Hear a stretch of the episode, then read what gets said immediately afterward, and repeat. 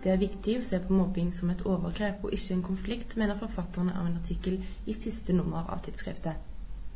Velkommen til tidsskriftets podkast for nummer 15 2007. I en oversiktsartikkel oppsummerer Audun Vatn sammen med Espen Bjertnæs og Lars Lien kunnskap fra forskningslitteraturen om sammenhengen mellom mobbing og psykiske og kroppslige helseplager. Resultatene viser gjennomgående at det er en sterk sammenheng mellom det å bli utsatt for mobbing og mentale helseplager som angst og depresjon, men også kroppslige helseplager som muskel- og leddsmerter og infeksjonstilstander. Et viktig poeng det er at mobbingen ser ut til å bidra direkte til utviklingen av disse helseplagene. Så det må derfor poengteres at mobbing er en veldig belastende livshendelse for de som blir utsatt for det. Vatn og kolleger deler mobbing inn i to hovedtyper direkte og indirekte mobbing. Direkte mobbing innebærer handlinger som å utøve vold, true eller åpent gjøre narr av noen. Mens indirekte mobbing innebærer sosial isolering, ignorering, baksnakking og ryktespredning. De påpeker òg at mobbing bør ses på som et overgrep og ikke en konflikt. Ja, altså Det viktigste her det er nok uansett at mobbing det er ikke en konflikt mellom to like sterke parter, men dette her dreier seg om et overgrep. Og dette her ble diskutert i media og fagtidsskrifter for et par år siden, da lederen for Norsk forum for megling og konflikthåndtering gikk ut mot flere sider av, av antimobbearbeidet som foregår i skolen.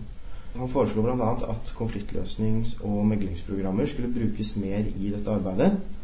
Mens da eh, Dan Olveus, som er en kjent eh, mobbeforsker, på sin side nettopp poengterte dette her at det å bli mobbet er et overgrep, og at det krever helt andre strategier å forebygge mobbing enn det å forebygge andre typer konflikter.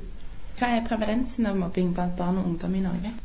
Ja, når det gjelder eh, forekomsten av mobbing, så er det vanlig å si at ca. 10-15% av norske barn og ungdom blir utsatt for mobbing.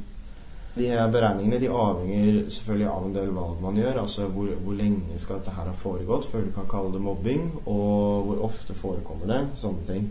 Men i en god undersøkelse som er gjort eh, blant barn og unge i Bergen, så fant man at 11% av guttene og 9% av jentene i alderen 11 til 15 år blir mobba to til tre ganger i måneden eller oftere. Dette tallet er jo lavere enn i flere europeiske land, men høyere enn f.eks. i Sverige. De mener det er helt klart at det er en sammenheng mellom det å bli mobbet og symptomer på dårlig psykisk og kroppslig helse. De fleste undersøkelser som er gjort, det er såkalte tverrsnittsstudier, der man henter inn informasjon om både mobbing og helsetilstanden samtidig.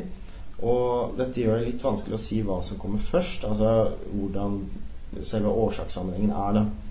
Men i studier der man har fulgt en gruppe mennesker over eh, en lengre periode, så ser man eh, helt klart at mobbing det er en belastende livshendelse som gir generelt dårligere helse på flere områder. Og dette her ser vi i form av angst- og depresjonstilstander, lav selvtillit og dessverre også en sterk sammenheng mellom mobbing og selvmordstanker og selvmordsforsøk. I tillegg så viser det seg at eh, barn og unge som mobbes, oftere sliter med sår hals og vondt i kroppen, altså mer kroppslige plager, enn jevnaldrende barn som ikke er utsatt for mobbing. Gutter ser ut til å bli mobbet noe oftere enn jenter, og mens direkte mobbing er mer utbredt blant gutter, så eh, blir jenter ofte utsatt for indirekte mobbing. I forhold til helseplager så ser det ut til å være en eh, litt sterkere sammenheng mellom mobbing og dårlig helse hos jenter. Men igjen så er dette bare en hovedtendens som på ingen måte må forstås som at det å bli mobbet ikke er en alvorlig belastning for gutter. Eh, for det er det helt klart. Kan foretak mot mobbing ha en forebyggende effekt?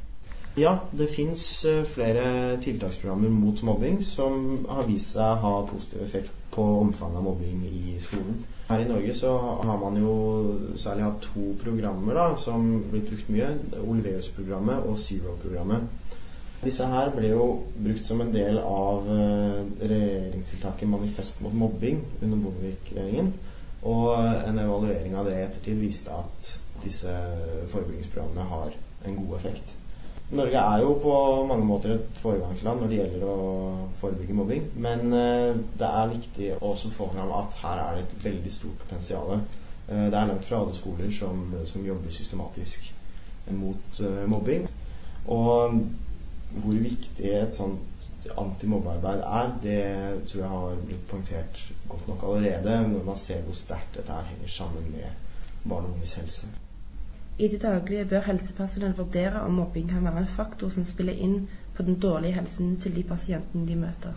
Det er selvfølgelig mange grunner til at mennesker blir deprimerte eller sliter med smerter i muskler og ledd.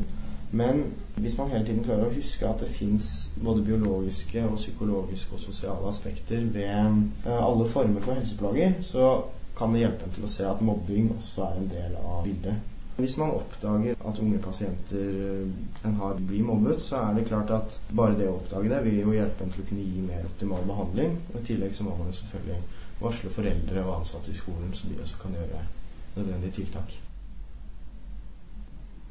En annen studie publisert i samme nummer av tidsskriftet konkluderer forfatterne med at jenter som var små ved fødselen, oftere blir mobbet enn andre jenter.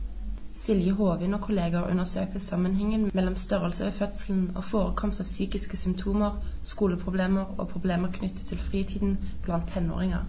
Jenter som var små om fødselen, var som tenåringer mer tilbaketrukne og hadde flere skoleproblemer enn andre jenter. Det at disse jentene oftere ble mobba, kan henge sammen med deres tendens til å være mer tilbaketrukne, skriver forfatterne. Gutter som var små for alderen ved fødselen, hadde ikke de samme problemene, men var mer prega av nervøsitet og bekymring i tenårene enn andre gutter. Takk for at du hørte på Tidsskriftets podkast. På gjenhør.